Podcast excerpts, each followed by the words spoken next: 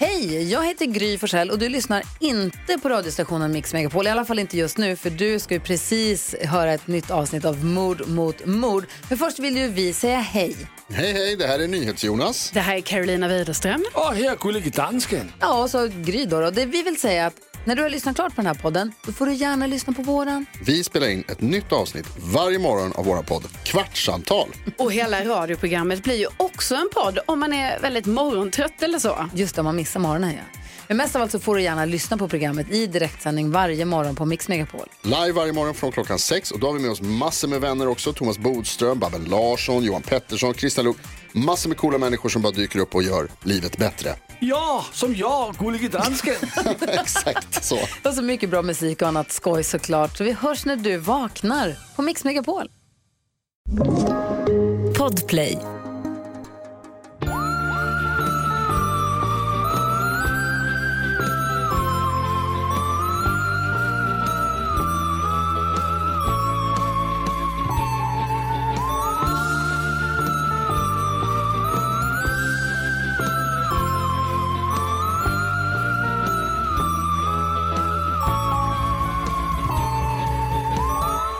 Hej och välkomna till Mord mot mord. Ja, snälla någon. Välkomna hit. Ännu en söndag i våra liv. Och en tisdag eller en onsdag i I era liv. Beroende på om ni lyssnar. När ni lyssnar. Podplay Ännu en dag i våra liv. i era liv och i våra liv. Ja.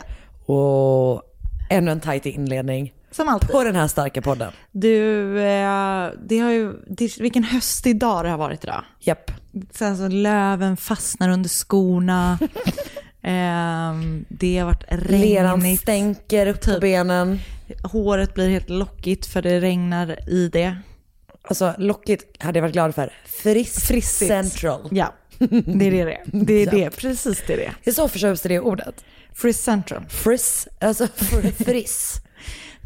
för, det, Ja. för det är exakt vad det är. Det är så Man tydligt. bara ja. japp, det är frissigt. Det är frissigt. Kul, alltså jag och... ehm, Eller som min pappa säger, änglahår. Det är gulligare. Ja, För att man får ju, det, man men- får ju så här runt huvudet när man har uppsatt hår. Men jag tänkte alltid, änglahår var det vi kallade det när man, eh, jag har ju aldrig liksom lockat mitt hår innan jag blev vuxen typ. Det var liksom ingenting som jag visste om. När man sov med göra. flätor. När man sov med flätor, änglahår. Mm. Det Innan, ja, innan man skulle vara med i ett luciatåg. så fint. Fast det var så fult för det var så platt, Ja. våfflat, platt. Jag vet, men det var det vi kunde åstadkomma i mitt hushåll. Samma här, alltså verkligen. Och sen så, för, em, så satte pappa på mig lucia-linnet när vi gick hemifrån. Ja. Så att när vi kom fram, stängt. Men jag har väl berättat om... Jag blev mobbad av en fröken. Men, vet du vad? fröken. Nu ska jag ändra det. Min pappa blev mobbad av en Ja. Jag har väl berättat om när det var ett barn i overall som sprang in i mitt Lucia-linne. Ja. Trauma. Trauma nummer ett. Alltså jag ser verkligen det som ett sånt a child face, a child sized avtryck. Som man, du vet när man har sprungit igenom en vägg. Ja, inte Ah. bra. Nej men jag, vi gjorde också det med flätorna fram tills att jag fick sådana där papiljotter du vet som såg ut som en blomma. Ah, sådana har jag nog fortfarande aldrig sett. Jo men du vet, som i skumgummi så är det som en så här stropp och sen så rullar man håret på stroppen och så stoppar man in stroppen i hålet. Japp. Så det blir sådana sådana krullor. Ja, Blir det fin då? det blev jättefint. Åh, fan det kanske vi borde bring back. Ja, kanske. Kan vi få eh, spons från det krullföretaget? Tack. Men jag eh, har varit på landet i helgen. Mm. Och eh, ehm, så var vi på granngården ska köpa ved. Nu tog jag mig lite tid att upptäcka granngårdens eh, hästutbud. Ville kolla vad som var new in, in horses. Okej. Så gick jag runt och kollade lite grann reminissade. Här har vi, ja ungefär så här, sånt här schabrak hade jag. Typ att jag länge så diskuterade olika ryktborstar och vad de betydde för mig. Ja, var Camilla intresserad? Ja, ja, nej fruktansvärt, hon är också hästtjej. Ja, hon är också Ja, ja, ja. hästtjej, okej. ja. Nej, vi diskuterade båda två. Okej. Ja, ja, gud ja. För jag kände typ att jag bara, ganska glad att jag inte var med på Nej, här alltså. Camilla bara, hon bara, nej jag vet de här. Jag tyckte det var bara töntar som hade en sån här. typ så. Men då hittade vi i alla fall ett hästschampo Okej. som heter Pimp Your Pony. Alltså, jäklar vad bra namn. Ja, men sen stod det, alltså texten på det Ja. var typ så här. Till alla smutsiga ponnyer där ute. Alltså det lät Så det så ett snuskigt. Du vet att det kändes som Så att deras målgrupp torrschampo för eh, Ja, hästar. Alltså det kändes som att deras målgrupp inte var riktiga hästar utan du vet sådana som klär ut sig till hästar Ja. som en kink typ. ja. Det kanske det var. For all you filthy ponies out there. Pimp your pony. det är Väldigt starkt. bra. Starkt ja. Okej, känner du dig sugen på att plocka upp ridningen igen? Nej, Nej. tydliga, tydliga besked. Jag vill ju gärna ut och rida, men det, det är jag ju sugen på. Men, Men- inte att börja men inte- rida. inte Nej. som hobby. Nej. Det Jag så gillar ju inte hobby så mycket. Nej.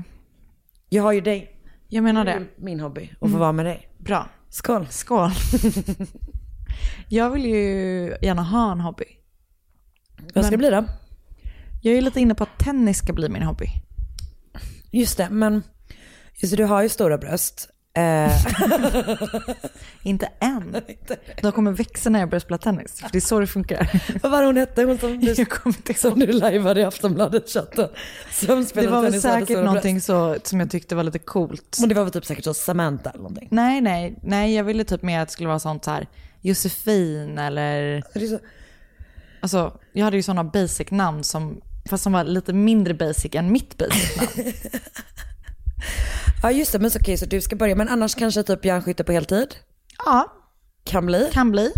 Jag tänker också att i och med att vi började göra den här podden så förlorade jag på ett sätt en hobby. Som var, true crime. ja, ja exakt. För att det blev typ lite mer av ett jobb Ja, ändå. sant. Ehm, att innan så var det liksom mer så. Så att jag är gladast de veckorna när det känns återigen som att det är en hobby. Ja, du vet när man har gott om tid att läsa och Ja. sånt så man får sjunka Så ner det är spännande, inte bara jobbigt. Ehm, Men vet du vad jag kom, vet du vad jag kom på igår? Alltså någonting som jag har vetat om länge, ja, men som bara liksom flagg ur dig. bekräftades igen. För att jag har ju liksom gått ifrån det här ett litet tag. Fan vad jag hatar olösta fall. För jag började titta på Unsolved, Unsolved Mysteries Mysteries. säsong två. Och så såg jag halva första avsnittet. Så jag bara, nej, fan vad skit att jag inte kommer få reda på vem som mördade den här eh, Just det, för det- politiska rådgivaren. Just det, det första var han som var någon sån eh, president eh, advisor som har blivit mördad. Ja, också för att det var, jag tror att för vissa av de där fallen, Känns de- lätta typ att bara vara så här, Jo, men det de- här var det som ja, hände. och typ att det är så här, de känns liksom inte vissa, alltså för mig är det just de här när de känns mystiska. Som det fallet är ju så här, det Vad finns jättemycket hände? övervakningsbilder på när han går runt i typ ett parkeringshus. Mm. Och det händer, man känner att det har hänt skit, men man vet inte vad. Mm. Nej. Mm. Och det gör mig rasande. Alltså just det här mysteriet, man bara, hur kan vi Nej, få reda på det här? Det var som i första säsongen av Unsolved Mystery med hon frisörskan som Japp. försvann. Det var också att man bara, nej men nu blir jag galen. Men de gjorde ju ett, eh, ett väldigt känt norskt fall i Unsolved Mysteries. Just det. Eh, som ju är, det är otroligt spännande typ. Eh, för det är, det är en tjej som hittas eh, död på ett hotellrum. Just det. Och vid första anblicken är man så här, det här är ett självmord. But is it? och så börjar de typ utreda det. Och det är... Eh, alltså och jag jag- måste ju se det för att det är i Norge. du älskar ju Norge. Ehm, ja men det, det var faktiskt, det är jätte, jättespännande. Och du vet det är det här klassiska så här, eh, du vet alla, alla, mm, vad heter det, märken i alla kläder är borta och sådär. Som de alltid Ah, verkar ja, ja. lägga så jävla, jävla mycket tid på. Alltså det känns som att typ så här, en spions främsta verktyg, pistol, sprättare. Va? De sprättar ju alltid bort sina egna, på, mm, tagsen i sina kläder. Var hon spion, flickan? Alltså det är det man undrar. Om hon kanske kan vara det. Det visste inte jag att de gjorde, varför gör de det? Jag vet inte, det är bara det att de alltid är så här en grej. De bara, I knew she was a spy when she saw she had no tags in her clothes. Isdalskvinnan, samma sak. Kan vara en norsk grej. Kanske, precis. Men du, jag såg att det har kommit en ny serie om mordet på tioåriga Helen. Vart då någonstans? De tipsade om det i Nyhetsmorgon. Så, ja, så det är kanske en eh, kan- TV4. Antagligen. Ja, Fast de tipsade också om den här nya amningsrummet som är en SVT-serie. ha, Så jag slänger bara ut den. Jag vet inte vad den heter eller någonting. Jag ska Nej. kolla upp det och så återkommer jag. Men, Kan det varit en typ en sån Dplay-dokumentär eller någonting? men det var inte en dokumentär, det var en spelserie. Som handlade Ah, om... ehm, oj.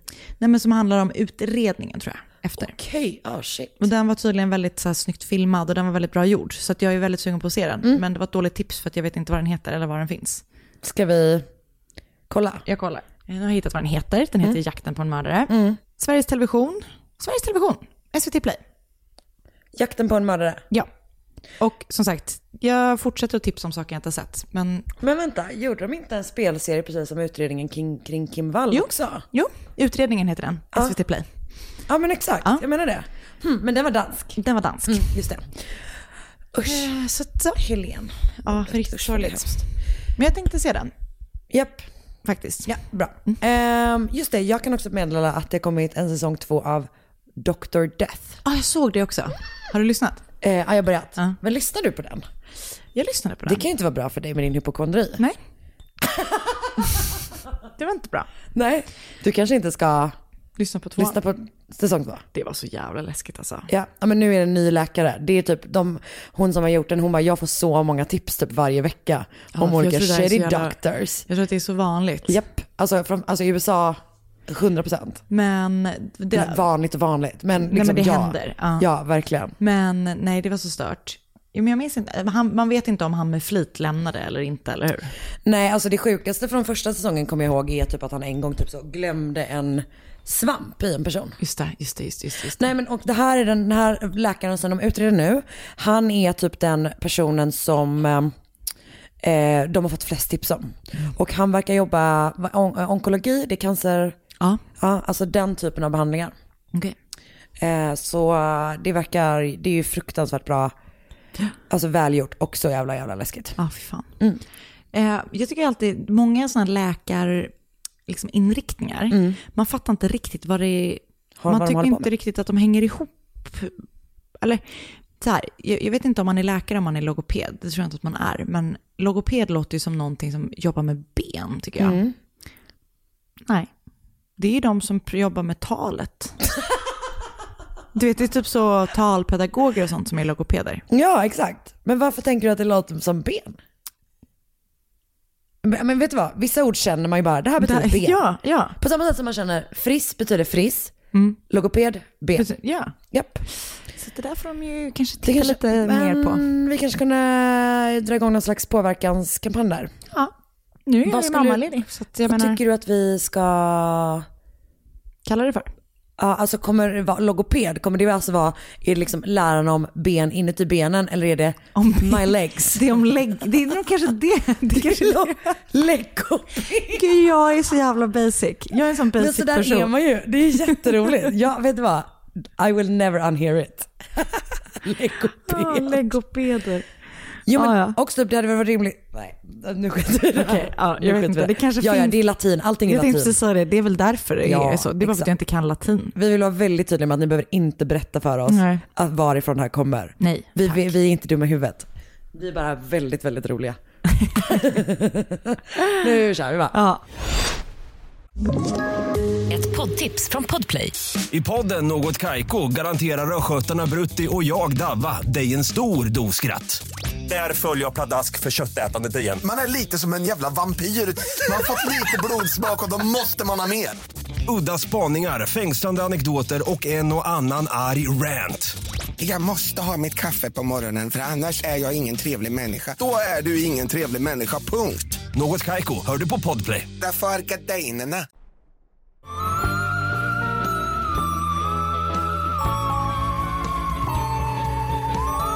Den 29 oktober 2006. Det vill säga ungefär exakt nästan 14 år sedan. Eller hur? Vad sa du för datum? Gud? 29 oktober. Ja, det Nu var är det väl typ i fredags eller. Ja, torsdags. Eller? Två män är ute och så eh, skjuter, skjuter på, eh, alltså skjuter med vapen på... Lerduvor? Typ, eh, nej, nej, nej. På burkar? på, mer åt burkar. Eh, target practice på mål liksom i Kilgore, nära Longview, lite drygt två timmar öster om Dallas. Vi befinner oss alltså i America. Texas. Ja, America, Texas. Och de här killarna är, eller jag vet, jag vet inte om de är killar eller gubbar eller män eller whatever. Men de här personerna, de får syn på rök. Det brinner liksom eh, i ett litet så här skogs, inte, det här stället verkar vara liksom den här, det här platsen som, de, platsen som de rör sig på beskrivs någonstans som att det liksom är lite så här, alltså oil, alltså du vet det är liksom, okej Det är någons ranch. så otydlig nu. Nej det är liksom ett ganska så ehm, de har, det beskrivs typ som så här hunting ground eller typ du vet ett ställe dit folk åker för att mörda folk. Alltså det är shady. Okej, okej. Ett lite så här, det känns lite som att det skulle kunna vara en soptipp Jag skulle inte precis riktigt. säga soptipp. Ja men att man typ, det är ett, du vet inte en sån soptipp som typ staten har bestämt att det är soptipp. Nej, utan ett sånt ställe där folk bara saker. dumpar Mm, grejer. Det här är mitt egen tolkning av det här. Jag tror att det är ungefär så. Så hur som helst, de får syn på eh, rök och en eld liksom och typ börjar så här kolla upp vad det är för någonting. Det här är precis innan halloween. Så när de får syn på en skyltdocka som brinner så tänker de, okej nu är det någon som är på gång med något jävla halloween-skit. Typ. Ja. Men det är ingen skyltdocka. Det är ingen skyltdocka. Och först så känner de typ en lukt. De bara, det här känns inte, det liksom luktar inte bränd plast. Typ. Nej. Och sen går de då närmare och eh, inser att det är en människas kropp som brinner. Usch. Det är en ung tjej. Och någon har då drängt hennes kropp i bensin och brinner liksom, hon brinner intensivt typ. Eh, och polisen kan så här senare konstatera att man tror att polis, alltså att gärningsmannen har gjort det här bara typ några minuter innan de här killarna kommit dit liksom. Men trots det är kroppen... Vet, man vet inte om hon var död när hon tändes. ja, alltså, jo, hon var, hon var död Ja. innan. Eh, jag vet inte om man såg det direkt men hon var, hon, Mm. det var hon i alla fall.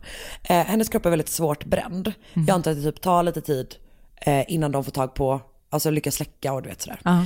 Eh, men det här är vad man kan konstatera om den här kroppen då.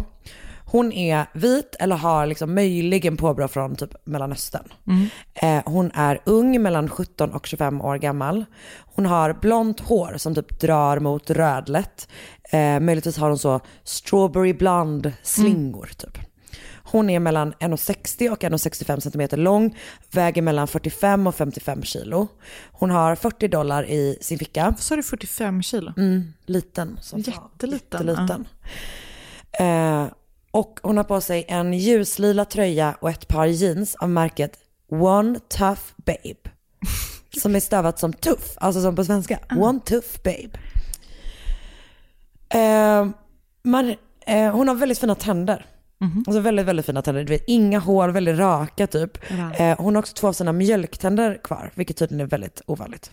Va? Men var hon vuxen eller? Ja, hon, mellan 17 och 25 säger de. Just det. Eh, när man undersöker hennes kropp så kan man konstatera att, alltså att hon har sperma i kroppen.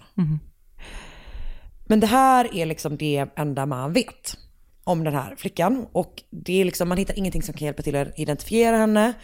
Eh, man går igenom alla rapporter om så saknade människor. Du vet så här, någon går ut med information, gör liksom eh, massa, massa, du vet så här sketchgrejer på hur hon, eh, skisser på hur hon liksom antagligen såg ut innan hennes eh, ansikte skadades. Så du vet så här, man försöker liksom skicka ut så mycket information som möjligt och också ta in information.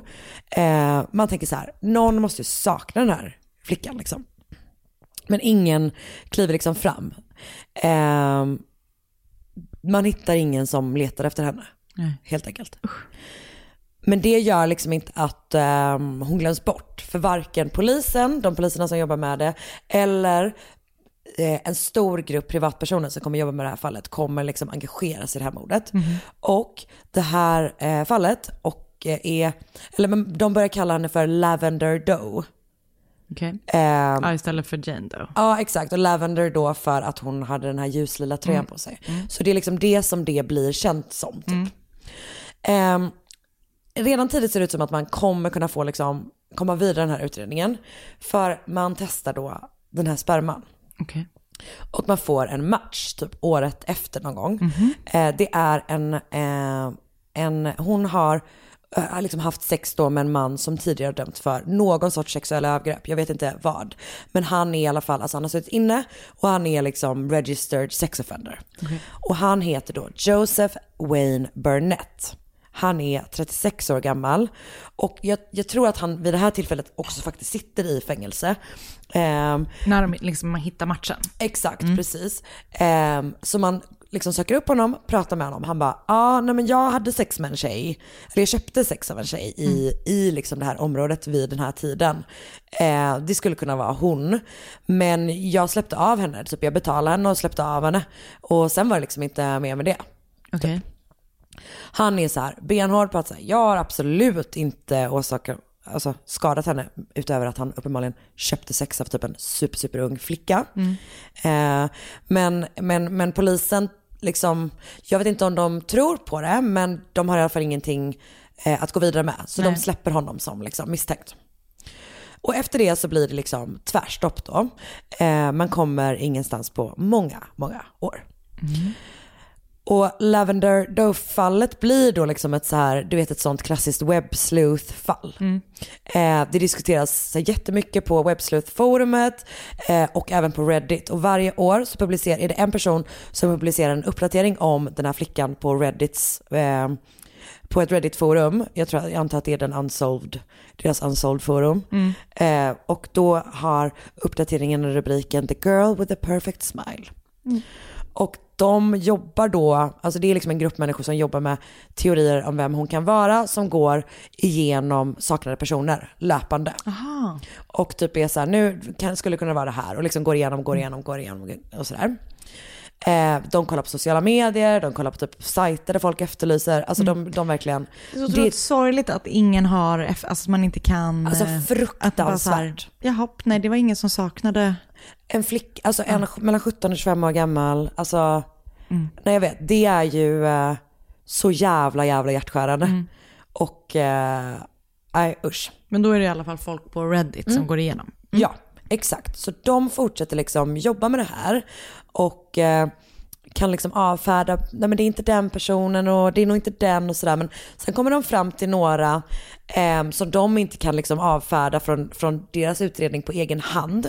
Så då kommer, tar de då kontakt med Longview-polisen där det är en man som heter Eddie Hope, vilket starkt namn. Eh, han leder utredningen, jag tror att han gjorde inte det i, från början, men han har typ tagit över den. Och han är liksom van vid att typ privatpersoner hör av sig och typ tipsar om en speciell sak, en specifik saknad person. Ehm, och även så här, ofta så är det typ att polisen själva redan har hunnit avskriva dem från utredningen. Men ibland kan det typ leda till ett nya spår. Eh, och han säger typ att så här, han bara, jag är jätteglad att de gör det. För att jag är glad att det är fler än jag som tänker på Lavender Doe typ. Han bara, jag, jag kan inte sluta tänka på den här flickan. Eh, men trots då att det är så många som är liksom engagerade så är det inga av de här spåren som liksom, eh, li- liksom leder till några, eh, några nya, till hennes identitet. Så det bildas upp en liten så core-grupp av web sleuths som jobbar med det här fallet. Det här är deras liksom så Superhero Academy för Lavender Doe. Kevin Lord, programmerare som sagt upp sig för att sälja t-shirts på Amazon. som eh, tyckte att livet var, kändes lite oinspirerande och började utbilda sig till privatdetektiv. Dröm. Mm, det är inte det här det bästa namnet för en sån här typ av person? Missy Koski. Jo. Hon är... You don't mess with Missy. Alltså verkligen. Så Missy har, eh, är adopterad. Och hon har använt DNA, alltså du vet den här typen av släktbandsforskning och sådär. ehm, med, med hjälp av DNA för att hitta sin, egen, bi- sin egna biologiska pappa. Och nu har hon börjat hjälpa andra göra samma sak. Okej. Och sen har vi då också, alla har de här otroliga namn. Eh, sen har vi Laurie Gaff. Laurie verkar vara typ en riktig jävla murderino. Hon är liksom superintresserad av DNA-teknik.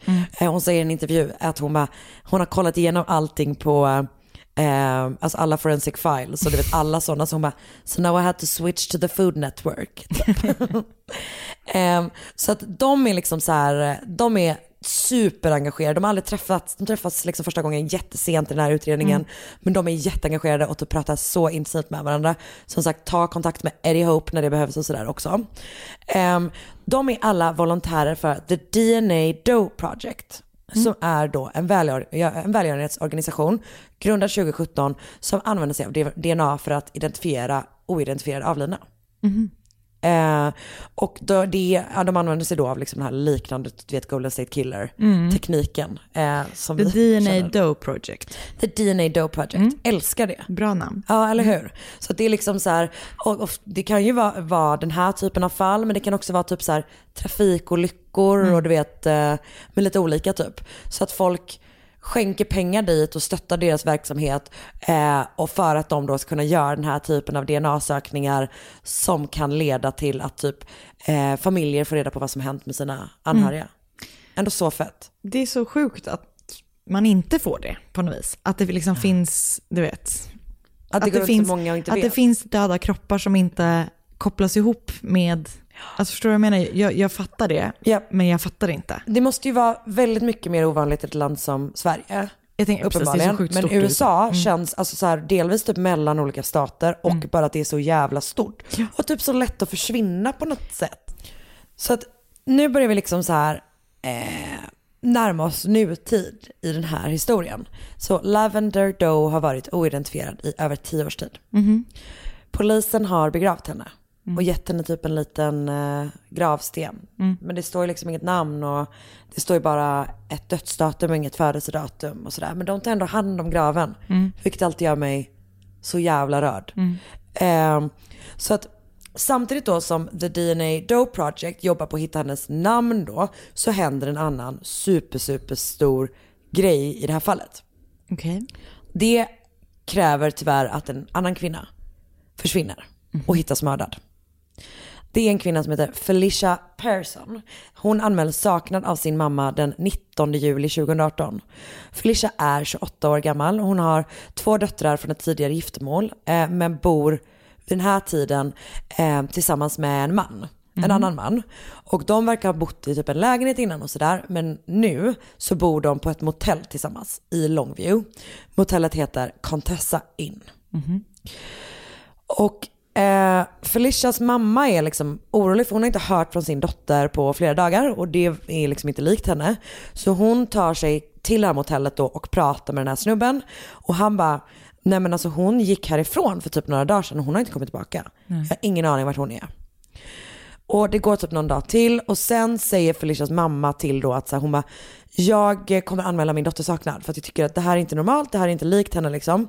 Och han bara, jag har inte sett henne liksom, jag vet verkligen inte vart hon är. Sen hon gick typ, så har hon, jag har inte sett till henne. Ehm, och, eh, men efter att han har fått det här samtalet så åker han också typ och lämnar av alla hennes saker hos sin mamma, hennes mamma. Lite konstigt beteende. Det känns som att han vet att så här, hon kommer inte komma tillbaka. Den här mannen heter då Joseph Wayne Burnett och är alltså samma man vars sperma man hittade eh, med Lavender Does kropp 12 år tidigare. Eh, den 24 juli så hittas då Felicia död. Eh, hon hittas av polisen i ett skogsområde i Longview. Och dagen efter så grips då John, eh, eller Joseph Burnett. Men han grips inte för det här mordet utan han grips för att han, har, han har, är då vill- villkorligt frigiven eh, fortfarande på grund av den här sexualdomen som han har emot sig. Och han har brutit mot sina, alltså villkoren. Jag tror att det han har gjort är att han inte uppgivit typ en ny adress. Okej. Så de har inte kunnat få tag på honom. Så det är därför han grips liksom och plockas in. Alltså Felicias familj förstår liksom inte så hur hon har hamnat med den här personen. Nej. Eh, alltså hon var liksom en så här, de har, hon var på rätt spår typ, det var ingen fara liksom. Hon var en helt vanlig ung kvinna, två barn, ett helt liv typ. Men hon har uppenbarligen blivit kär i den här snubben eh, och då bott på, till slut på ett motell med honom.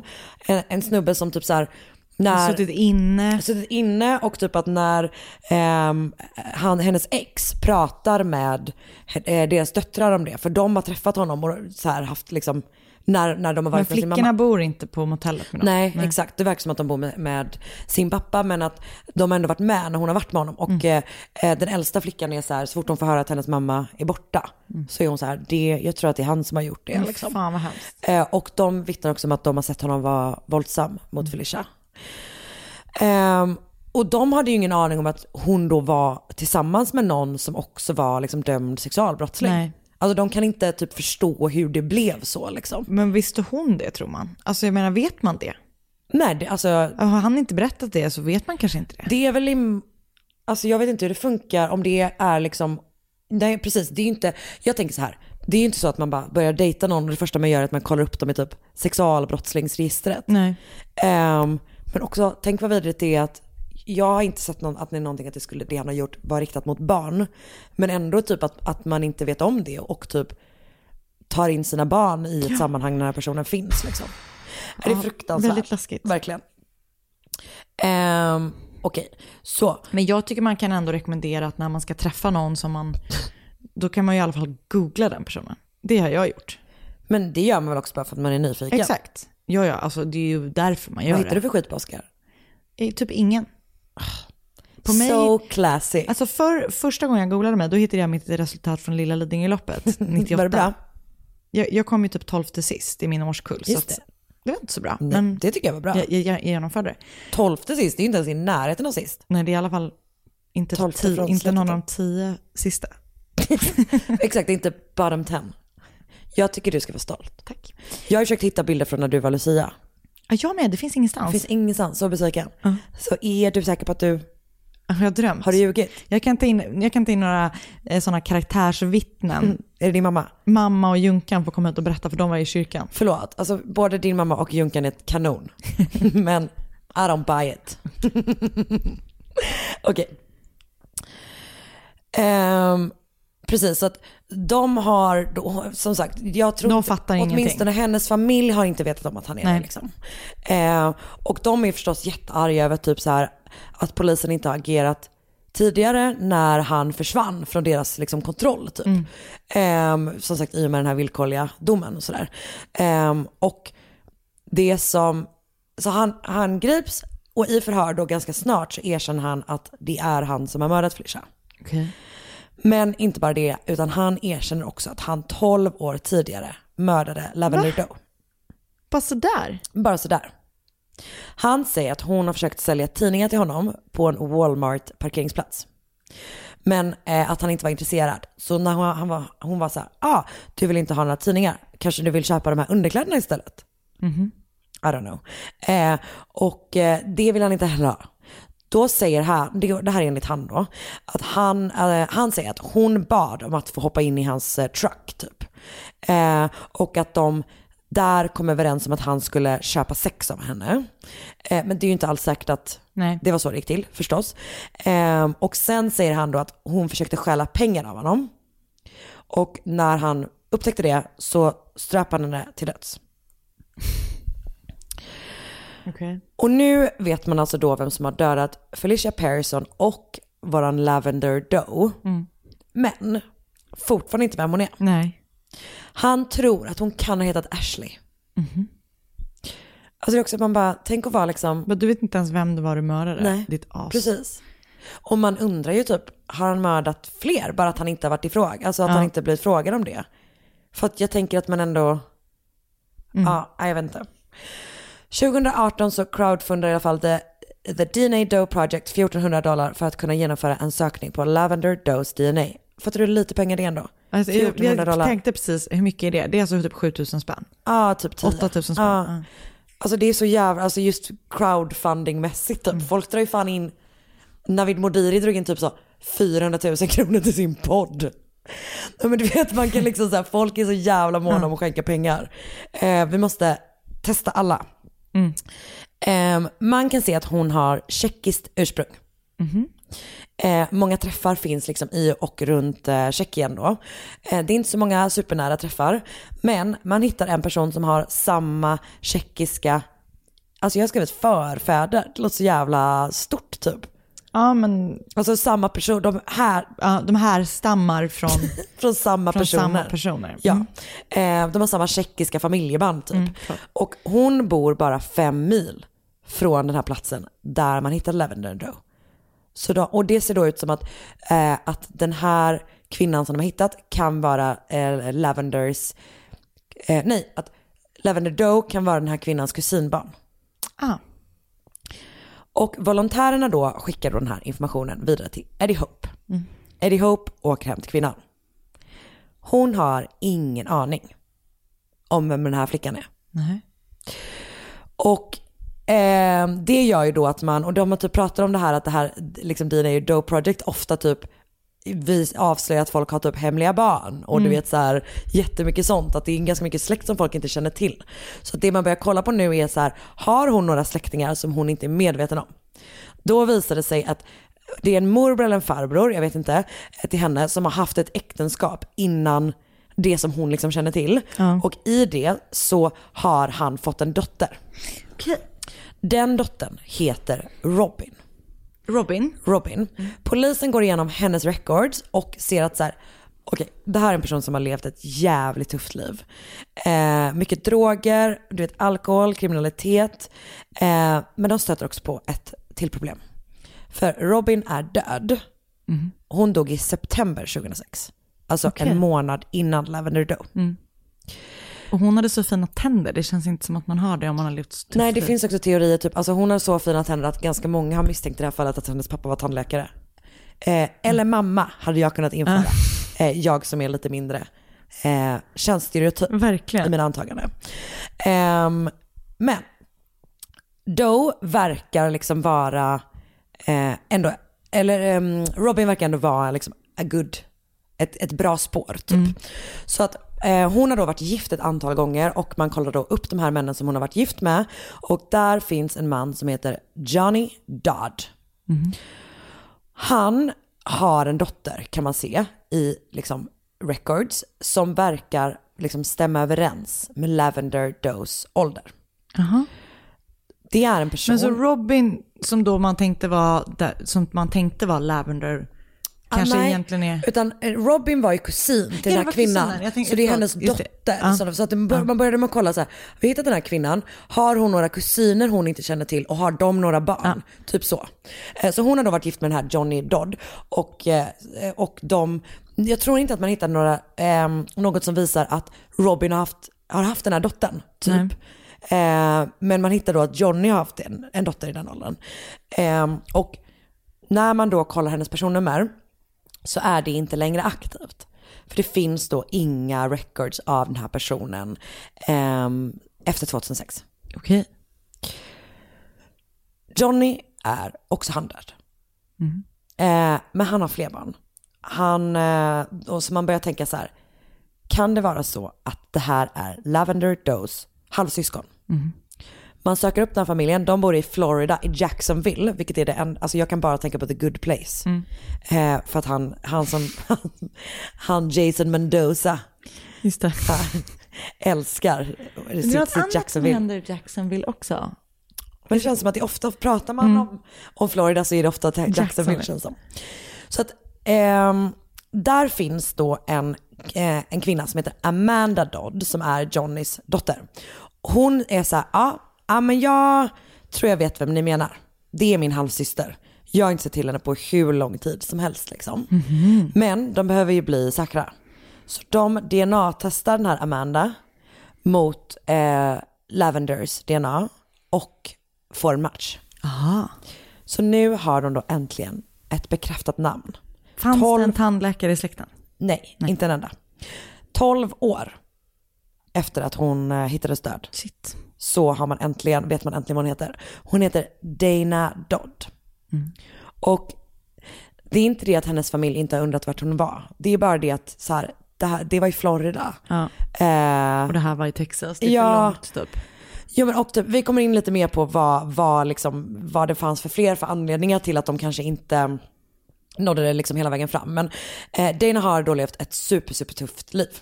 Hon föds den 6 september 1985 och hennes mamma lämnar henne när hon är bebis. Och strax efter det, när hon är liksom liten, också liten liten, så lämnar hennes pappa henne också. Så båda föräldrarna har liksom så här superstora problem. Eh, du, jag sa ju typ att hon var, hade liksom många domar mot sig, mamman Robin där. Men Johnny är också typ så här, du vet, superstora eh, alkohol och drogproblem och eh, lever som hemlös under så stora delar av sitt liv. Så Dana bor på lite olika ställen under sin uppväxt, men hon bor ganska lång tid hemma hos typ en, en, en styvmamma. Eh, men när Dana fyller 14 så skickar den kvinnan henne till sin släkt i Florida. Men de, hon har bara träffat dem en eller två gånger innan. Så det är ju främlingar typ. Ja. Men då får hon i alla fall åka dit och där flyttar hon in hos Amanda. Som är hennes halvsyster då, som är nio år äldre. Men eh, hon är alltså bara 23 år gammal, Amanda. Och hon har just fått sitt första barn. Och det är ganska, det är en jobbig jävla situation på alla sätt och vis liksom. Och eh, först så bor hon hos Amanda ett tag och sen så flyttar hon till deras eh, bror. Och sen så flyttar hon in hos eh, sin kompis Bobby. De är typ bästa vänner. Du vet de har sådana gemensamma bilder i sin high school yearbook typ. Ah, okej. Och matchande t-shirtar. Som Eh, du och jag. Exakt, precis. Och eh, de skiljer sig lite grann åt med, jämfört med dig och mig. För att eh, de eh, är liksom ändå lite mer knarkiga än vad vi är. Okej. Nej men de har båda två typ eh, drogproblem. Och eh, Dana har typ så här, ganska, du vet så här, dåliga pojkvänner som inte är snälla mot henne. Och livet är jävligt jobbigt liksom. Men det är också mycket typ att de festar och knarkar tillsammans liksom. Och eh, eh, Bobby berättar att typ så här, Dana har typ testat heroin och liksom. ja. Ja, men det är så, jävla, det är så fruktansvärt sorgligt alltihopa. Eh, och när, när de är 18 så blir Bobby gravid. Och hon bestämmer sig för att behålla barnet och bli ren. Men eh, Dana vill liksom inte det. Alltså hon är så här, hon bara det är inte där som jag är. i Mitt, alltså du vet, Nej. de har liksom haft sin grej going typ. Och eh, nu så vill Bobby göra andra saker. Och eh, Bobby typ då upptäcker henne med att typ fortsätta ta heroin. Och då är hon så här, hon bara nu får du faktiskt flytta typ. Och efter det så blir hon anställd på någon slags, alltså det är tydligen, jag har aldrig hört talas om det här innan. Det är tydligen ganska vanligt i USA, eller var åtminstone det då. Jag tror det är nog inte det nu. Ehm, med organisationer som är liksom ska, typ scam-organisationer som använder sig av liksom troubled youth för att sälja overpriced tidningsprenumerationer. Så att det är Som typ så här, typ.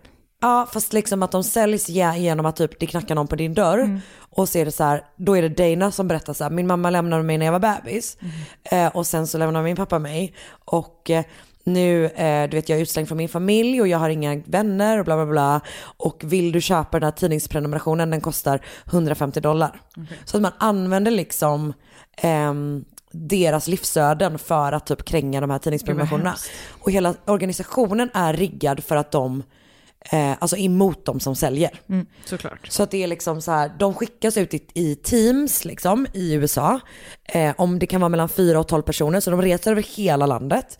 Eh, och får typ tjäna skitdåligt. De är typ så här, de är på något sånt bonussystem bara, bara ni kommer upp i si så många poäng, då kommer ni, jag tror att man ska komma upp i 20 000 poäng för att kliva, eh, öka i rank.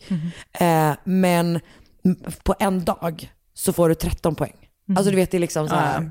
Men det är, man utnyttjar helt enkelt folk som är desperata efter någon slags inkomst. Och det finns också ganska många stories om Eh, alltså typ att folk har blivit misshandlade av de- deras chefer när de typ inte har sålt tillräckligt bra. Eller att de har blivit dumpade så att det typ är så här ungdomar, typ tonåringar som står, plötsligt står eh, ute i liksom eh, hundratals mil från där de bor, där deras föräldrar bor, där de inte känner någon, utan pengar. Gud vad hemskt. Alltså det är liksom deras affärsidé. Det dras då Dana in i.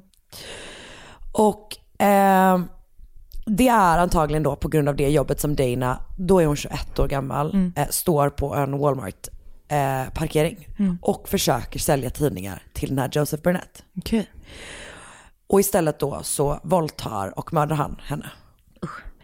Och anledningen då är att som sagt, inte att, det är inte det att de inte har saknat henne, men delvis är det att hon har lämnat sin familj på eget bevåg ändå. Eh, och hon har gjort det långt innan, de har försökt få kontakt, det tar ganska lång tid innan de anmäler henne saknad. Alltså det liksom är, det är, det är, det är svårt liksom. Ehm, så Joseph Wayne Burnett åtalas för mordet på Felicia, Felicia Persson och mordet på Dana Dodd. Och eh, de senaste nyheterna är att rättegången skulle ha ägt rum i juli i år. Men jag har inte hittat någonting om att, jag vet inte om den har skjutits upp eller whatever, men, men jag har inte hittat någonting om något, eh, något domslut i alla fall. Den kanske blev corona-uppskjuten. Ja men jag tänker det. Eh, det är väl mycket troligt. Eh, och Danas kropp ligger fortfarande begraven i Longview, alltså där polisen eh, begravde henne först. Och eh, hennes familj eh, åkte typ dit en dag efter, eller liksom en, en, det en resa till Longview efter att de hade fått reda på att det var där hon var. Och typ hade med sig så här födelsedagsballonger för att de inte hade fått fira hennes födelsedag på himla länge. Och sen så hade de också med sig eh, en ny gravsten. Fint. Så nu har hennes grav ett, eh, en gravsten med, eh, med hennes namn, Dana Lindodd, hennes födelsedatum den 6 september 85 och hennes dödsdatum den 28 oktober 2006. Vad sorgligt. Det är så fruktansvärt sorgligt. Också vet du vad, bara det här att så här, tänk om han hade åkt fast när de utredde honom första gången. Då Mm. Ja, hade Felicia fått leva nu. Liksom. Jag tänkte på det, för det känns, det känns som att de två morden som han begick är så sjukt olika varandra. Att det känns liksom helt, eh, lite så för random typ. Så Ja. att han måste ju typ ha mördat fler jag tänker däremellan. också det. För att det de Men har du sa gemensamt. truck, Va- var han alltså lastbilschaufför eller hade han bara en pickup? typ? Jag tror att han hade en pickup men jag vet faktiskt inte. Men jag tror det. Eh, ja, det, jag tänk, det enda jag tänker typ utifrån, det finns ju inte tillräckligt mycket information om Felicias mord liksom. Eh, och det är också jättesvårt, du vet när man försöker läsa lokaltidningar i USA så är man nästan alltid blockad från det för att man kommer från eh, Europa liksom. Men också typ att han satte eld på, på Dana och inte på, Nej. på um. Felicia. Och så här. Det, det känns så konstigt på något vis. Ja, men och jag tänker typ att det jag tänker att det handlar om, alltså för det han säger är ju att han mördade Dana för att han blev arg på henne för att han såg att hon stal eh, från honom. Alltså du vet att det blir en sån kränkning mot hans fragile masculinity typ. Och jag tänker att om, det är väl ganska likely att det var något liknande som gjorde att han var våldsam mot Felicia. Att han var, eh, att han blev arg då och inte kunde kontrollera sin ilska eller hade någon lust att kontrollera sin ilska för att han var ett as. Ja. Och då tänker jag ännu mer att det borde finnas fler offer. Ja, För du vet, det är så här, den typen av beteende, om man mördar så lätt. Typ, exakt, precis. Men, men det som jag tycker är konstigt är hela det här tända eld och inte tända eld. För det Mm. känns typ som att så här, man tänder eld på saker för att man verkligen vill att de ska typ försvinna. Alltså typ att det känns som att han, men han, fast jag tänker också så här, eh, han levde ändå med Felicia. Jag tänker att det kanske tar emot att kanske, alltså hälla bensin på och tända eld på någon som man har liksom delat ett liv med. Det är ju vidrigt liksom, men det är också en, en, liksom en, en extra kränkning av en kropp, tänker jag. ja. Ja det var väldigt hemskt i alla fall. Ja, jag vet. Det var verkligen jättehemskt. Så det var då eh, fallet med Lavender Doe, Dana Dodd och Felicia Pearson.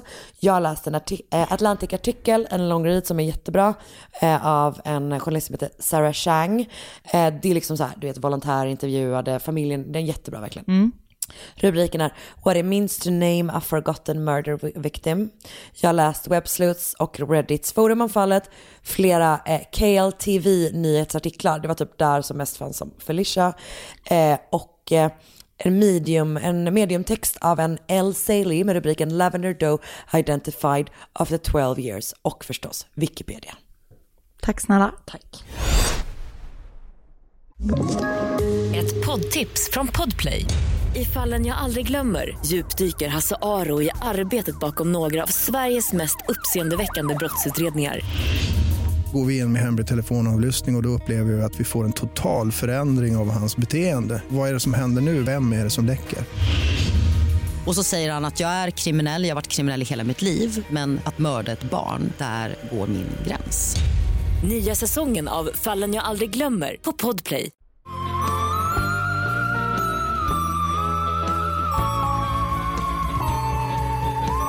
Okej, då börjar jag berätta min historia för den här veckan. 1987 så träffade Nancy Kishin en man som heter Robert Kissel. Och Nancy föddes eh, i Michigan och växte upp i Minnesota. Och eh, hon har, som jag typ förstår det, en så här väldigt vanlig uppväxt. Verkar vara så här vanlig amerikansk medelklass typ. Och sen så pluggar hon och tar en kandidatexamen i business och sen så tar hon en masterexamen i design. Och de två träffas då 87 och de börjar dejta och så blir de kära. Och 1989 så bestämmer de sig för att gifta sig. Ja. Och eh, typ från och med att de träffas, alltså där vid, 90, eller vid 87, så eh, pluggar Robert på New York University och han läser ekonomi där. Och eh, de kommer väl överens antar jag om att han ska typ fokusera på sina studier och liksom så landa, du vet, någon bra utbildning så att han så småningom ska kunna ta typ ett finance-jobb. Och eh, under tiden som han då pluggar och eh, läser färdigt så eh, jobbar Nancy för att, för, för att försörja dem. Ja. Och hon jobbar inte bara ett jobb utan hon har tre olika jobb så typ inom catering och servering så, här, så att de ska eh, Klara sig. klara sig. Så att hon liksom låter honom köra på helt och hållet medan hon då du vet, gör allt för att underlätta för Det är honom. som Betty Broderick Jag tänkte story. på det så himla mycket också när Japp. jag läste det här. Så 1991 då tar Robert sin examen och han får eh, typ direkt efter han har tagit examen jobb på Lazard Frère där han jobbar i fem år. Vad är det? Det är någon så här finance-företag. och sen får han jobb på Goldman Sachs. Och, Wow. Han gör liksom sån raketkarriär verkligen. Japp. Och efter några år, eh, efter att han har varit några år på Goldman Sachs så får han, eh, blir han erbjuden ett jobb på Merrill Lynch. Eh, och ett, eh, på deras Hongkong-kontor. Och där ska han då, det, den tjänsten han blir erbjuden är att han ska bli chef för eh, alltså Global Investments. Eh, och eh, han ska få en så här, super, super fet lön och bonusar och du vet så här. Så att han, Jag tänker att den lönen är så stor att man inte ens kan föreställa sig det. nej, han kommer tjäna upp till 3 miljoner dollar om året. Åh jävlar! Mm. Jag vet, det är så jävla mycket pengar. Det är nästan lika mycket som vi tjänar på den här podden. Ja, vi har ju 5 miljoner dollar om året. Eftersom jag sköter våra finanser. Efter skatt. Eftersom jag sköter våra finanser så har jag ju koll på det. Men du är ju lite grann våran Chief of Global Investment. Du in- investerar i oss då. Exakt. Ja. Eh, globalt. Globalt. Inte just nu på bygga av covid men. Eh, så det kan han ju såklart inte tacka nej till. Så han och Nancy tar sitt pick och pack och flyttar till Hongkong. Ja. Eh, och där blir de liksom del av ett sånt riktigt så här, typiskt expat-liv som finns typ på platser som så här, Hongkong, Singapore, alltså du vet. Japp. Så. Eh, så han jobbar så super, super mycket och Nancy jobbar då inte utan hon är alltså typ hemmafru eh, med och liksom hänger så mycket med de andra expatfruarna och du vet de har hemhjälp och du vet så här. Eh, det verkar däremot att, som att trots att han hade en sån super, super fet lön så verkar de ändå ha haft en ganska moderate livsstil. Alltså Med deras mått mätt. med deras mått mätt. Ja. Ehm, Alltså. nej men, och Nej, fattar. tydligen så har, eller enligt Nancy i alla fall, så har Robert redan under tiden han pluggade eh, tagit mycket kokain. Eh, Perfekt. Och när de flyttade till Hongkong så verkar det som att han har typ så här levlat upp sitt kokainbruk. Han har blivit drogberoende. Han har Ja. skaffat sig drogögon mitt i ansiktet. Ja. Och eh, liksom, det, anta, liksom de spekulerar att det är för att han liksom ska orka hålla tempot. För du vet, han jobbar så mycket så han sover typ så fyra timmar per natt. Alltså, Och bara jobbar, jobbar, mardröm. jobbar. Alltså det är verkligen mitt skräckliv. Vet du vad? Behåll pengarna. Verkligen. I don't need your three million dollars a year. Maybe I can just have one and I won't do the cocaine and I won't do the staying No. up all night. Eller? Vet du vad, Anna? Jag testar. Jag tycker att det är bra att du sätter ner foten. Ja. ja. Och jag nöjer mig med en miljon. Ja, men gud snälla. Easy going. Ehm, och han krökar mycket också. Så det är jobb, kokain och krök. Och ehm, allt eftersom liksom tiden går, de, de får tillsammans tre barn eh, och de bor i Hongkong. Och han blir typ mer och mer aggressiv. Eh, han eh, är typ inte schysst mot henne längre. Han vill typ eh, inte ligga med henne. Du vet, han är så här... eh, han- Avvisande. Avvisande, verkligen. Och så fort han typ dricker eller har tagit droger så blir han eh, aggressiv och sjukt utåtagerande mot henne. Och det gör han typ hela tiden eftersom han är Exakt. missbrukare. Ja, perfekt. Och vi upplever det till, eller han liksom sätter i system typ att våldta henne. Eh, och slå henne och sådär. Och Så- gud, alltså skräck också så långt ifrån hemma typ. Ja. Och att hela ens umgänge måste vara olika typ personer som så här, kanske han jobbar med. Alltså så här att det är liksom uppbyggt Exakt. kring honom så mycket. Väldigt mycket. Och han har, drar in andra pengar och du Japp. vet så här. Och Nancy är väl typ så en typiskt bra hemmafru, eller vad man ska säga. Hon, hemmafru och mamma. För hon så här, eh, hjälper till jättemycket i barnens skola och du vet, gör saker där och du vet, fixar med så här, just halloween-firanden och du vet så här, allting fix, hon fixar, fixar, fixar. Hon är också väldigt aktiv i synagogan som de går i där i Hongkong. Och det verkar som att hon också håller på med fotografering eh, liksom, och har någon liten så här, egen side business typ. Det här är också en person som gick från att ha tre jobb till att vara, alltså så här, även om det har fått att det är superintensivt, att Ja, nej, hon förälder. kommer kanske inte nöja sig bara med att... Men jag tänker, nej alltså Eller hon en- har- man hon- kanske vill ha lite, um, Något annat än barnen, business. ja. Mm. Eh, men han är då eh, väldigt aggressiv och våldsam mot henne samtidigt som han är typ så superkontrollerande. Du vet. Han kollar var alla pengar tar vägen, kollar kontoutdrag, du vet, allt sånt. Så. En vidrig. En vidrig person. Jag ska däremot säga att det här är Nancys berättelse om hur Robert är. Just det. Ehm, Oj. men för när SARS bryter ut 2003 så gjorde Nancy och Robert som så många andra expats gjorde också, nämligen då att Nancy lämnar Hongkong med barnen och Robert stannar kvar och typ jobbar på som vanligt. Att det är så här, nu skyddar vi familjen men typ vi kan inte släppa inkomsten typ. Och han, jobbar, han är typ bara på sitt kontor ändå så att han kan väl typ inte bli utsatt för det. Ehm, så hon åker tillbaka hem till USA och flyttar med barnen till deras landställe i Stratton Mountain i Vermont. När de väl har liksom landat i huset bestämmer sig de för att de ska investera typ i något nytt sånt hemmabiosystem. Eh, och med det här superdyra systemet så ingår kl- såklart installation. Och ehm, eh, dit kommer Michael Del Priore. eh, och han ska då installera det här hemmasystemet i deras hem. Och han bor i närheten i typ en trailerpark. Och eh, han, är, han, han, han är typ snygg. Han beskrivs, eller jag tänker att han är lite så här rough around the edges. Hantverkare. Ja, och jag tänker att... Kapabel. Ja, och jag tänker Snygg. att det var... Att de tänkte att det var så Mike Delfino var i Desperate Housewives. Japp. Fast han inte alls var snygg, han som spelade. Men du Nej. vet att han ska vara lite så här sexy, rugged man. Japp, Typ. japp. Så han Alltså kommer han har dit. så, du vet så här, han har sådana stora armar. Som är liksom inte för att man har varit på gymmet och dragit i Nej, saker. för att han har arbetat. Japp. Och så har han kanske alltid en uppknäppt eh, så flanellskjorta. Gud Anna, keep it in your pants. Utan någonting under. Det känns så svettigt och klibbigt. Verkligen. Eh, Okej, kanske men så han utan kommer ärmar. dit och ska hjälpa till att ins- Han installera, ska installera det. Så, och jag vet inte, det verkar som att det tar ett tag för honom att installera det här, för han typ hänger mycket i familjens hus. Mm. Och han och Nancy blir nära och de så här börjar prata med varandra och han öppnar upp sig och berättar om sin barndom.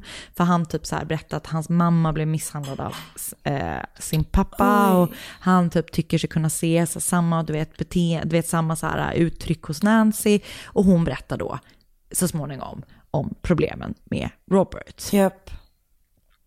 Vid ett tillfälle så tar han också med sig Nancy så att hon ska kunna tatuera sig, för hon har velat göra det länge. Men Robert tycker att det är fruktansvärt med tatueringar.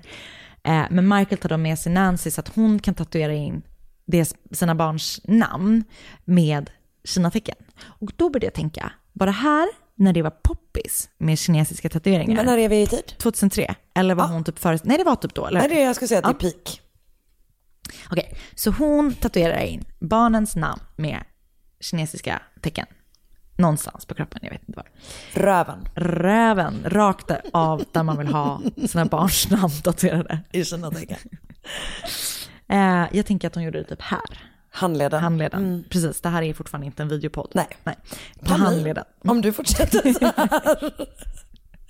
Japp. Eh, så deras relation utvecklas liksom från att bara vara vänskaplig till kanske lite mer kärlek. Japp. Men när SARS då är under kontroll eh, så är det dags för barnen och Nancy att flytta tillbaka till Robert och till Hongkong. Mm. Och det är väl typ några månader senare. Jag tänkte just på det. Om det är som den situationen vi är i nu. Men det var kortare eller? Det var ett mycket kortare förlopp och det blev ju heller, spreds ju inte heller alls på samma sätt. Nej. Det var ju typ där som det höll sig. Eh, så att, nej, det var inte en eh, världsomspännande pandemi i typ 14 år som det här känns som att det har pågått. och kommer pågå i 14 till. Du, gud, tänk när Sigrid är, alltså hon kommer ta studenten innan det här är över. Säg inte så, du får inte säga så. Jag du kommer vara tvungen att homeschool her. Så hon kommer ta Eh. studenten från det här vardagsrummet. Att hon springer ut på gården. Jag tror att det kommer få vara Oskar som typ får hålla i homeschoolingen. För att, Jag tycker ni har olika kvaliteter. sant, sant. Verkligen sant. Mm, bra. Han kommer få hålla historielektion, stuff. historielektioner om kalla kriget och Men det är sånt. väl egentligen bara att ni sitter här och kollar på en dokumentär. ja. ja. Sigrid kommer kolla för mycket på tv om hon inte får gå utanför hemmet tills hon är 18. Ja, ja. Oh well. Okej, så de Eh, åker tillbaka. De flyttar tillbaka och Nancy tycker såklart att det känns jättetråkigt att lämna Michael. Eh, och, för de har ju så kommit varandra väldigt nära. Och, eh, men de fortsätter att hålla kontakten, eh, Nancy och Michael, även när hon då har kommit tillbaka till Hongkong. Verkar det som att de har, har de liksom legat här? Jag tror det. Ja, det har gått hela vägen. Jag tror det. Alltså jag har inte sett det så svart på vitt. Men I bild? Jag har inte sett bilderna. Nej. Skulle du vilja? Nej. Nej. Jag, jag är lite sugen på... Vad är du lite sugen på? Är det en flanellskjorta? Och se hur han ser ut, men jag kom på att det kan jag faktiskt bara bildgoogla utan det att få deras Har sexbilder. du inte gjort Nej, jag har det? inte gjort det. Vad sjukt du är. Jag vet, jag har inte hunnit. Rädd för din egen sexualitet. Typ. Kommer jag lämna Oscar och Sigrid för Michael Del Priore? Nej, det tror jag inte. Jag tror han har så här... Men kanske kommer, Max kommer köpa en flanellskjorta till Oscar. Det här är inte den personen, så jag måste ha skrivit fel. för det här är inte den personen. Visa mig. Målare. Eller så är det det. Eller så är det det. Ehm. Nej okej, okej. Han var inte så het som jag trodde. Visa mig. Please close, button your shirt up Michael. Han var lite, han var inte så vältränad som jag trodde. Nej. Okej. Okej, nog om... Han hade heller ingen flanellskjorta. Nej.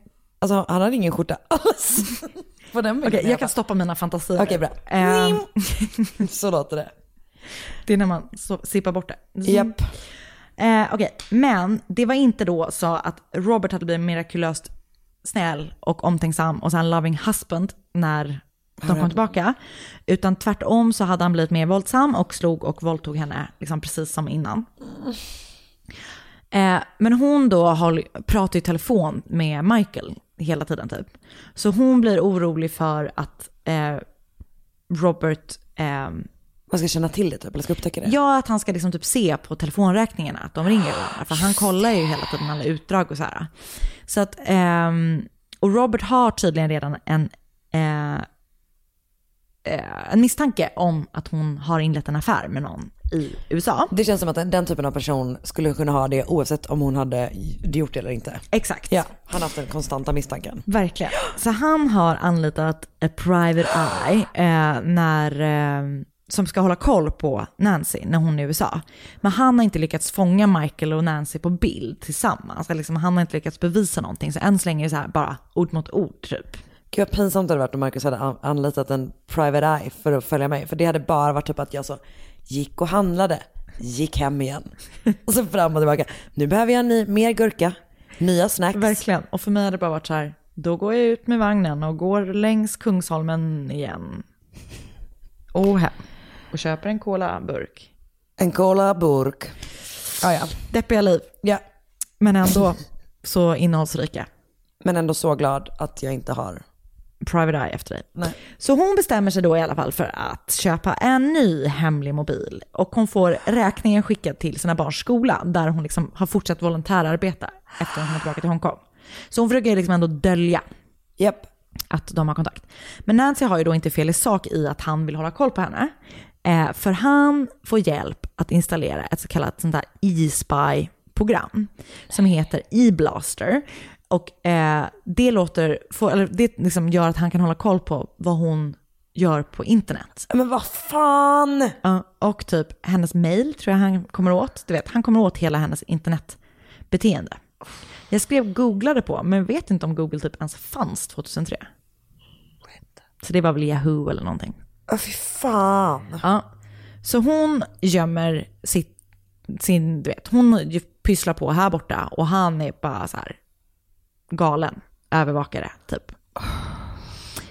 Men Robert har inte heller fel i sak när han misstänker sin fru för att ha fuffens för sig. För det var inte bara så att Mike, eh, Nancy hade ihop det med Michael, utan hon har också då sökt på riktiga shady saker på internet.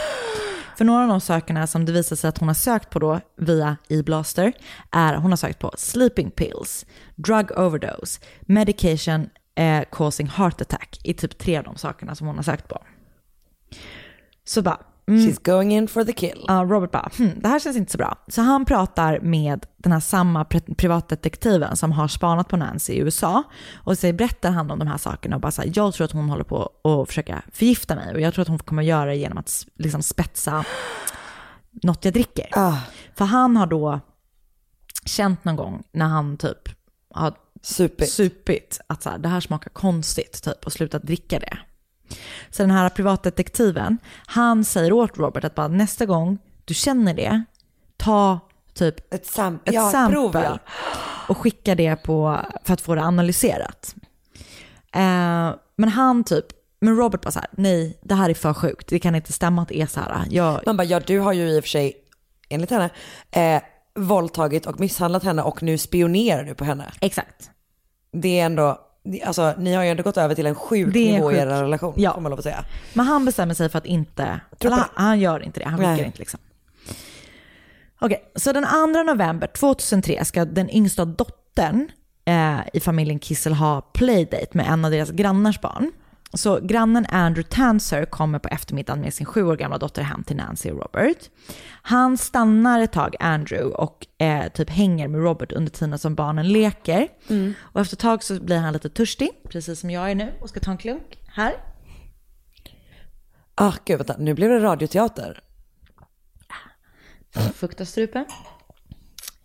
Så han ber om att få ett glas vatten. Så Nancy, som är the ultimate housewife, hon slänger ihop en smoothie som eh, smakar, det här låter skitäckligt eftersom jag inte gillar banan, men den smakar banan och typ cookies. Det verkar vara någon sån riktigt söt. Det är inte en smoothie, alltså det är typ en milkshake. Också förlåt, men om man bara, jag skulle gärna, gärna vilja ha ett glas vatten. Bara, nej, nej, nej, nej. Här har du ett, en liter cookie dough du kan hälla i dig istället. Som du kommer bli ännu törstigare av. Japp. Eh, den är också helt så knallröd till färgen. För Nancy, det, det har ju precis varit halloween då. För ditt var 30, 29 oktober. Mitt är 2 november. Japp. Så hon bara, det är halloween-themed eh, smoothie typ. Att den är så blodröd typ. Okej. Eh, så flick, hon gör den här smoothien och flickorna då kommer ut med varsitt glas till sina pappor och ger så här en smoothie. Och båda två bara så här klunkar i sig den här smoothien och sen går Andrew hem. När Andrew kommer hem så mår han inte helt bra. Han typ är så helt röd i ansiktet och frun är typ bara så här, är du okej? Typ, du ser inte ut att må bra. Och han bara, ah, nej jag ska bara lägga mig och vila lite på soffan. Sen så somnar han, alltså som en stock. Han går typ inte att väcka. Du vet, hon försöker väcka honom. Hon typ så här, slår honom, skriker, du vet. Till slut, efter så här en timme eller du vet hur många försök som helst, så vaknar han till av att det typ är en så här jättehög telefon som ringer. Alltså högt ljud. Ehm, och när han vaknar så är han typ helt konstig. Hans fru typ har beskrivit att han var som ett så här jättetjurigt barn. Att du vet, han var bara så här helt bara, mm, uh, så här jätte, jä- på, på jättekonstigt humör.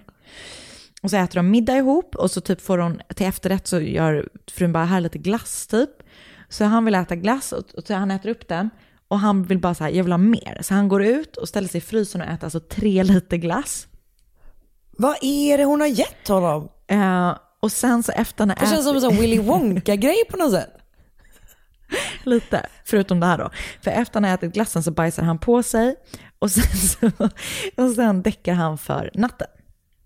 Och dagen efter när han vaknar så har han inga minnen från typ eftermiddagen och framåt. Liksom. Det är det läskigaste jag har hört. Mm.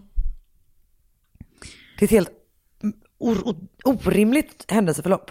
Så jävla sjukt. Och hemma hos familjen Kissel så har Robert också reagerat på den här smoothien som hans fru då har gjort. Så han har gått och lagt sig efter han har druckit den.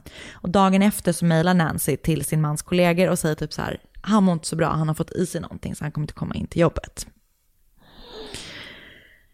Den 5 november så ringer Nancy hem några gubbar som jobbar i typ det här, du vet de bor väl i något sånt jättefint lägenhetskomplex typ. Och hon säger så här, jag behöver hjälp att flytta lite grejer till vårt förråd. Så då är det ehm, en jättetung matta som Nancy vill få hjälp att flytta till förrådet. Och typ några flyttkartonger. Så de flyttar ner det till förrådet. Och sen den 6 november så kommer polisen till det här komplexet där familjen Kissel bor. För de tar sig då in i familjens förråd och där hittar de det som de har tänkt att de letar efter direkt. För som du och säkert alla andra som lyssnar listat ut så ligger ju Robert inlindad i den här tunga mattan. Men förlåt, för mig är det, det är en helt sjuk grej att göra. Att linda in honom i matta och sen vara så här bara, nu ringer jag några gubbar som kan komma och bära. Alltså förstår du, det är väldigt stor risk ändå. Det är så sjukt.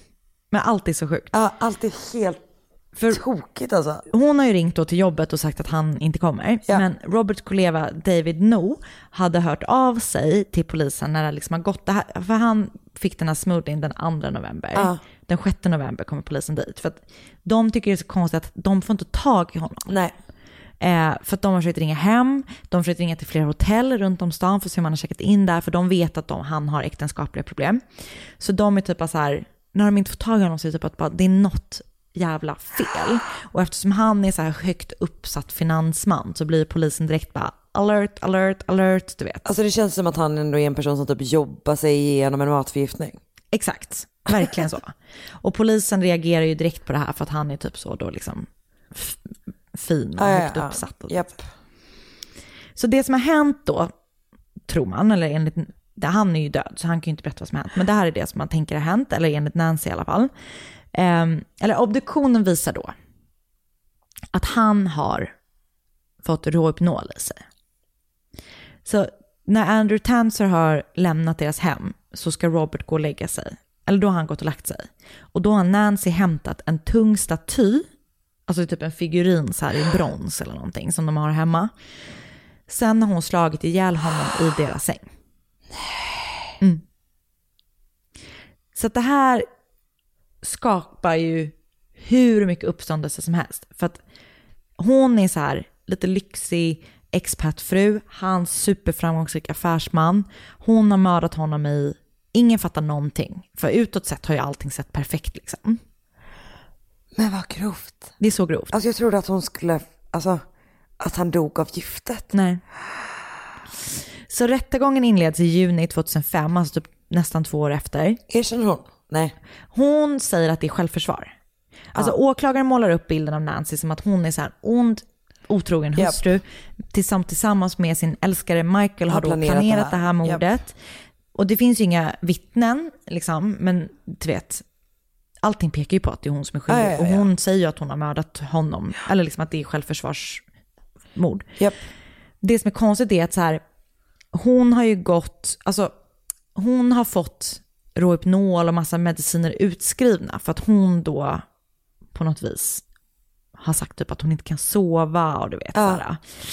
Eh, men hon säger, ja precis, så, men de är bara så här, hon har haft uppsåt, hon har planerat det här, du vet, hon har förgiftat sin man och sen kallblodigt mördat honom. Bla, bla, bla.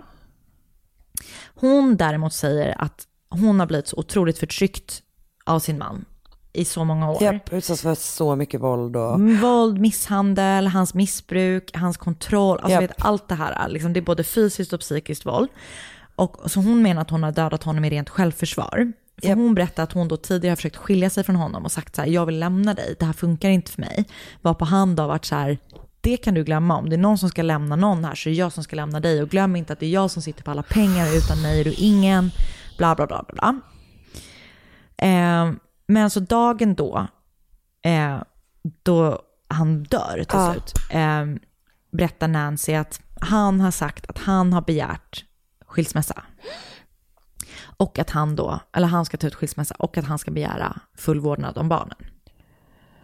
Ah, så det är det som blir sista pushen typ. Mm. Så när hon är typ bara så här, vad fan menar du? Jag vill att vi ska prata om det här. Då har han bara slagit, du vet först har han så här bara gått därifrån. Så då har hon sprungit kapp och bara, du måste, vi måste prata om det här, Ja. du kan inte typ ta barnen ifrån mig. Då har han slagit henne och sen våldtagit henne. Och eh, då har hon bara fått nog, varpå hon har tagit den här statyn och typ slagit honom i självförsvar. Men Det tycker polisen är ju konstigt då, Ja, för han, han är ju drogad med. Mm. Ja, okej, ja, det här var vad hon sa först. Det var hon ja. sa. Just det, så att det ska ha skett under tiden som han har... Typ varit alltså, på. Precis, att det ska Ja. varit på, en pågående attack. Ja. Ja. Mm, Just det. Mm. Eh, det känns ju inte särskilt troligt då eftersom han ha, är totaldrogad. Och om han ens liksom mår som den här Andrew mår så fattar man ju liksom att så här, eh, han kan i alla fall inte vid det här tillfället Nej. ha försökt, eh, eller våldtagit henne. Så här. Eh, så att rättegången då pågår vet, jättemycket fram och tillbaka. Hon säger att han är en vidrig man, vilket han kanske var. Alltså, det, Men det låter ju ändå... det kan han ju verkligen ha Troligt. varit. Men hon, ja, det pågår fram och tillbaka hur mycket som helst. När den är väl är över och det är dags för juryn att komma med en dom så överlägger de i åtta timmar innan de levererar domen den 1 september 2005 klockan halv nio på kvällen.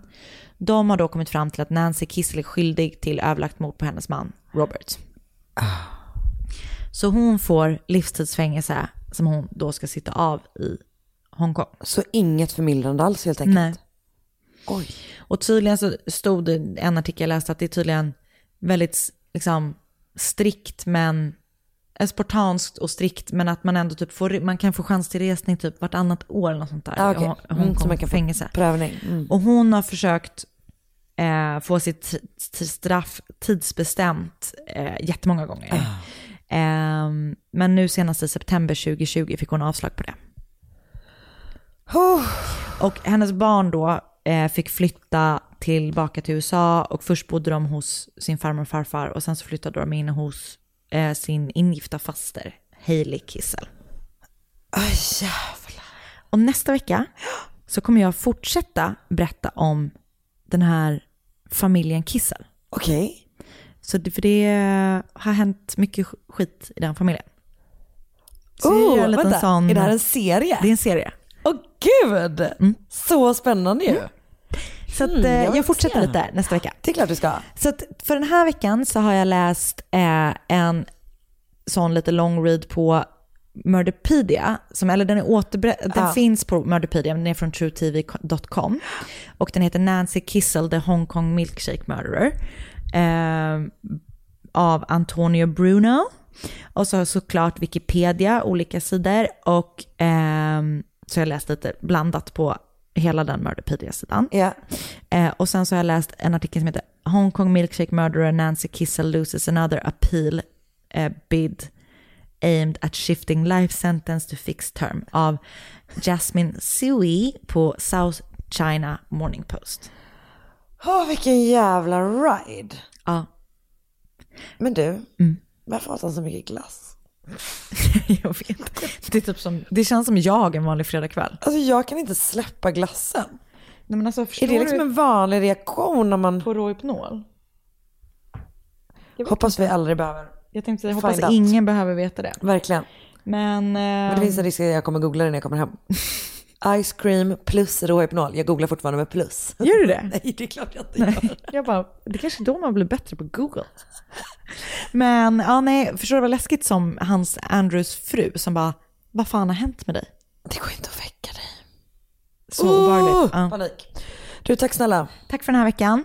Eh, vi kan väl säga att ni har väl, om ni, eller så här, ni som inte har skapat ett eh, konto på Podplay Japp. borde verkligen göra det, för då kan ni lyssna på vår podd en hel dag tidigare än alla andra, nämligen på tisdagar. Japp. Och det är gratis. Ja, gud. Så det är bara att göra. Det är verkligen bara att göra. Eh, och eh, eh, önska fall på Instagram, eh, att Sandell Anna, att Karin Londre. Det är bara där, inga Facebook-meddelanden. Nej, och eh, jag blir så glad när jag får se i vår Facebookgrupp, eh, Mord mot mord podcast, folk som har köpt vår nya fina merch. Alltså vet du vad? Vi har inte fått hem våran än. Nej. Jag längtar så mycket. Hampus, Hampus, Hampus lyssnar inte på den här podden. han borde. Hampus, lyssna på podden och skicka våra grejer. eh, man blir så glad. Podstore.se, där hittar ni våran, våran merch. Ja. Eh, Something stinks about this Gary merchen. Ja. Det var väl allt eller? Det var väl verkligen allting. Okej, hej då. Ha det bra, hej hej. Poddtips från Podplay. I podden Något Kaiko garanterar östgötarna Brutti och jag, Davva, dig en stor dos skratt. Där följer jag pladask för köttätandet igen. Man är lite som en jävla vampyr. Man har fått lite blodsmak och då måste man ha mer. Udda spaningar, fängslande anekdoter och en och annan arg rant. Jag måste ha mitt kaffe på morgonen för annars är jag ingen trevlig människa. Då är du ingen trevlig människa, punkt. Något Kaiko, hör du på Podplay. Därför är gardinerna.